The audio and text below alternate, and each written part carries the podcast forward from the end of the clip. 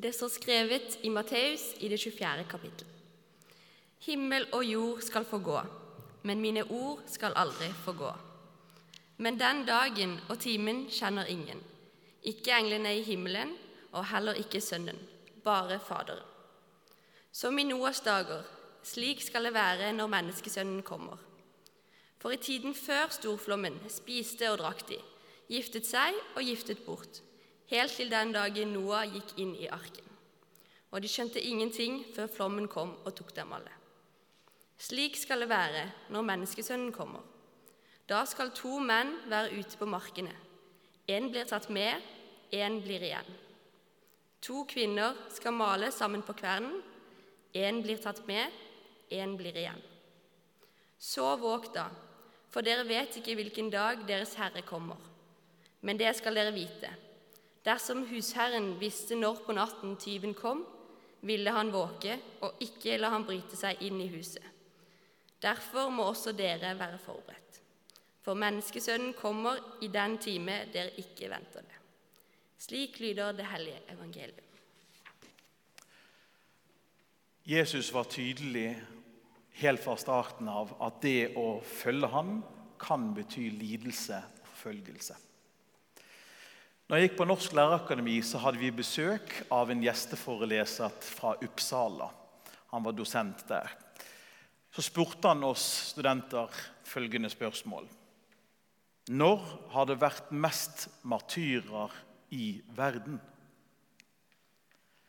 Og Vi tenkte litt, og vi visste ikke helt hva vi skal svare. Men svaret var den gang akkurat det samme som nå. Og svaret er akkurat nå. I dette øyeblikket er det mest martyrer i verdens historie. Det er stadig flere kristne, en økende befolkning i verden. Det henger faktisk sammen. Martyriet det handler vanligvis ikke om å oppsøke lidelsen. Det er noen steder vi har sett det i verdenshistorien, noen har gått aktivt inn i det.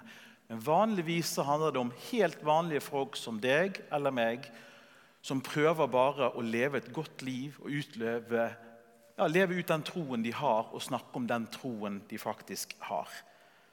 Og så blir man forfulgt av den grunn. Straffeforfulgt av den grunn. Dømt og kanskje lider tortur eller verre.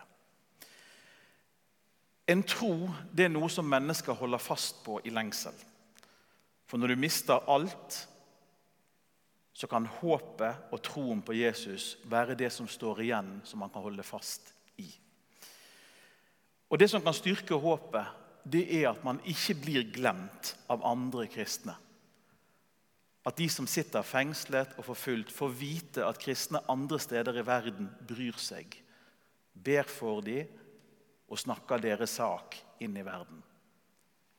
Det har mange sagt gir håp. Jeg trodde aldri at jeg skulle møte et menneske som var forfulgt. Som student ved Misjonshøgskolen var jeg på tur til Hovden.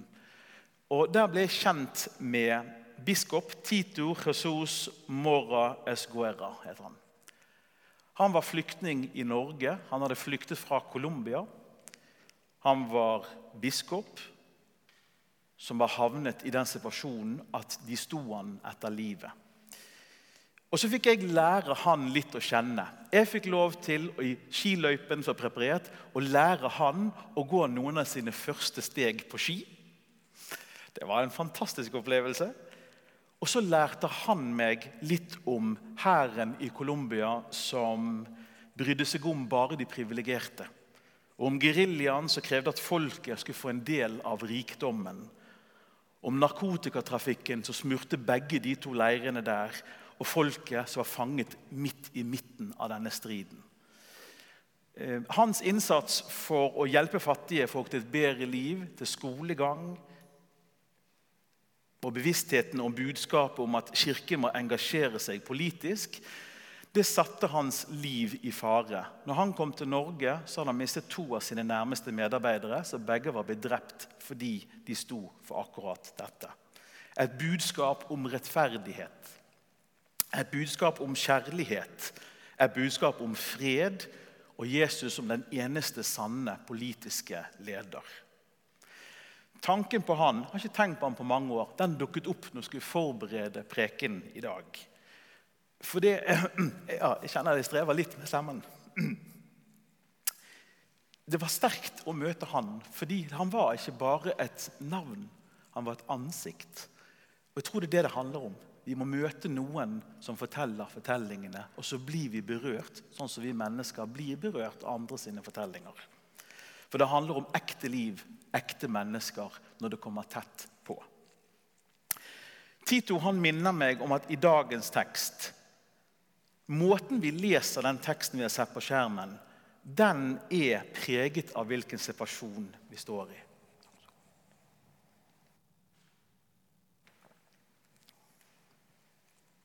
I rike Norge er det veldig lett å lese teksten om Jesus som ber oss om å våke og være beredt som noe litt truende.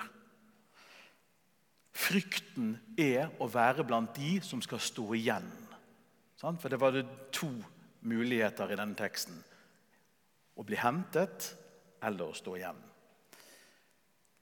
Og så har jeg gjort en bestemmelse når jeg leser sånne tekster som dette, som jeg prøver å holde fast i. Og den er følgende.: Jeg vil ikke gå rundt alle mine dager på jorden og være redd for Jesus sine ord. Det er en bestemmelse jeg har tatt og forsøker å holde fast i. For jeg tenker da at Hver dag Jesus ikke har kommet tilbake, det er faktisk en sjanse til kjærlighet. Til både å elske og å bli elsket. Til å bry seg, til å lære noe og til å lytte til et annet menneske. Eller for den del at et annet menneske lytter til meg hvis jeg har behov for det. Jeg vil ikke at en sånn tekst som dette skal handle om meg på en litt sånn egoistisk måte. Om min frykt og min handlingslammelse, der det blir meg, meg, meg, meg, meg. Snarere enn det som jeg tror er poenget med teksten, å se de andre. Sånn som jeg tror Jesus vil. Det er det som er å være beredt. Det å ha plass for andre mennesker i livet sitt. Så jeg vil heller lese teksten som en oppmuntring til å omsette kjærlighet til handling. Til omsorg, til støtte, til forbønn og til gavmildhet. Ikke for min skyld, for det er hele poenget, men for deres skyld, for det er mange mennesker som trenger det akkurat her og nå. Min frykt gjør faktisk ikke verden til et bedre sted. Den frykten jeg har, har jeg kommet til at den må resten bare finne sin hvile i Guds nåde. Det er der den hører hjemme. Så jeg ikke ender opp med å lese Jesu ord som en trussel som gjør meg motløs, men snarere får poenget i teksten at det er løftesord som gir framtidshåp og motiverer til god innsats i verden. Jeg kan være en god handlingsagent. Det er en mulighet denne teksten gir. Så er jo spørsmålet da trenger du og jeg som ikke er forfulgt, trenger vi håp? Eller har vi det for godt nå til å ønske det som Jesus gir, som denne teksten snakker om, det som kommer? I vårt samfunn og i den vestlige verden så kan vi reise. Vi kan normalt sett, de fleste av oss i fall, spise oss mette. I alle fall en del dager i uken. Vi kan tenke, snakke nokså fritt, studere, arbeide, leve og tro fritt. Innenfor lovens rammer kan vi gjøre alt dette her. Og Da kan det være litt vanskelig å forholde oss til Jesus sine ord om å våke og glede oss til det vi har i vente. For mange av oss har det egentlig ganske bra nå. Noen tenker at velferdsstaten har tatt bort behovet for Gud. Og på noen områder er det kanskje sant. Og jeg kjenner at jeg ikke er lei meg på de områdene det faktisk er sant. Det er ikke en ønskesituasjon å gå rundt og være sulten. Eller ikke vite hvor neste måltid kommer fra. Det ønsker ikke de som har det sånn, heller. Men når det kommer til dette her, så begynner jeg å tenke på Ole Paus sine ord. Han har sagt følgende I Norge så har vi alt. Men det er også alt vi har. I Norge har vi alt, men det er også alt vi har. Og Jeg husker at jeg reagerte veldig på de uttalelsene første gang. For da ble det veldig tydelig for meg at troen faktisk er veldig betydningsfull. I alle fall for meg. At livet mitt det må handle om noe mer enn materialisme og få noe mer å kjøpe. Livet mitt må handle om noe mer enn selvrealisering. For det kan fort bli et veldig tomt liv. Som Paulus sa, har jeg ikke kjærlighet, da er jeg ingenting. Det å elske det gir mening for meg. Selv om jeg veldig ofte i livet mitt har ingen anelse om hvordan jeg skal få det til. Kjærlighet er ikke en enkel greie. Men det er det som gir mening likevel. Det å være noe for noen det kan være en kjempegod start. Og det gjør veldig godt. I troen tror jeg nemlig også at det blir oppmerksom på det Ole Paus snakker om. At jeg har alt. Men det slutter ikke der med å være bare alt jeg har. Når jeg blir oppmerksom på det med troens øyne, kan jeg også være takknemlig for faktisk alt jeg har, som mange rundt i verden mangler. Og For meg er det derfor sant at den største gleden man har i livet, det er å glede andre. Selv om jeg ikke alltid får det til, selv om jeg glemmer det stadig vekk. Når jeg bare kommer litt til meg sjøl, så vet jeg at det er faktisk sånn. Selv om vi har et samfunn som oppfører seg sånn at vi ser ut som at vi er usårbare, og at vi skal leve evig, så er sannheten at ingen er unntatt døden eller lidelsen selv om ikke vi er forfulgt eller sulter. Det er faktisk lidelse i vårt samfunn også. I møte med klimakrise og en urolig verden så er det veldig stort behov for håp. Håpet tenker jeg nesten en forutsetning for livet. For det ser vi at når mennesker mister håpet, så går det fort veldig galt. Det kan være det som bærer når alt annet ryker. Så Når jeg da vender blikket tilbake igjen til teksten, blikket som vender ut mot en verden i nød, så ser jeg teksten på ny. Ikke som truende, men som ord med løfter til oppmuntring, til trøst og livsgivende håp. Og skal jeg prøve å summere litt hva de løftene går for. For det sto at Jesus sine ord og løfter aldri forgår. Og hva er det Jesus har lovet? Å være der to eller tre er samlet i hans navn. Her. Han har lovet at Guds rike er fullt og helt på vei nå. Han har lovet at undertrykte skal settes fri fra sine lenker som binder. At skrik og sorg og smerte og krig, sult, fattigdom Alt det skal opphøre, og freden skal bli uten ende. Det er et kraftig løfte. Jeg tenker òg at Gud faktisk har lovet noe om at tomheten som jeg tror den vestlige verden kjenner på og kjenner igjen, også tomheten skal forsvinne når Gud, som er kjærlighet, fyller alt i alle. På en måte ingen andre kan. Og at et oppgjør kommer som vil sikre rettferdighet og seire. Rettferdigheten vil seire, og mennesker får oppreisning. At håp faktisk blir innfridd, er en viktig side av håpet. Og at vi kan få lov til å være med og bidra til å gjøre verden til et bedre sted frem til dette skjer. Og således bli en del av fremtidshåpet til den verdensvide kirke som lider. Det at faktisk Jesus har tenkt å komme tilbake igjen, selv om det har tatt sin tid. Etter å ha gjort en stand en plass til alle. Og Jeg kjenner da, jeg vil gjerne være i det fellesskapet. Det er de folkene som Gud henter. Det kjenner jeg får en dragning til.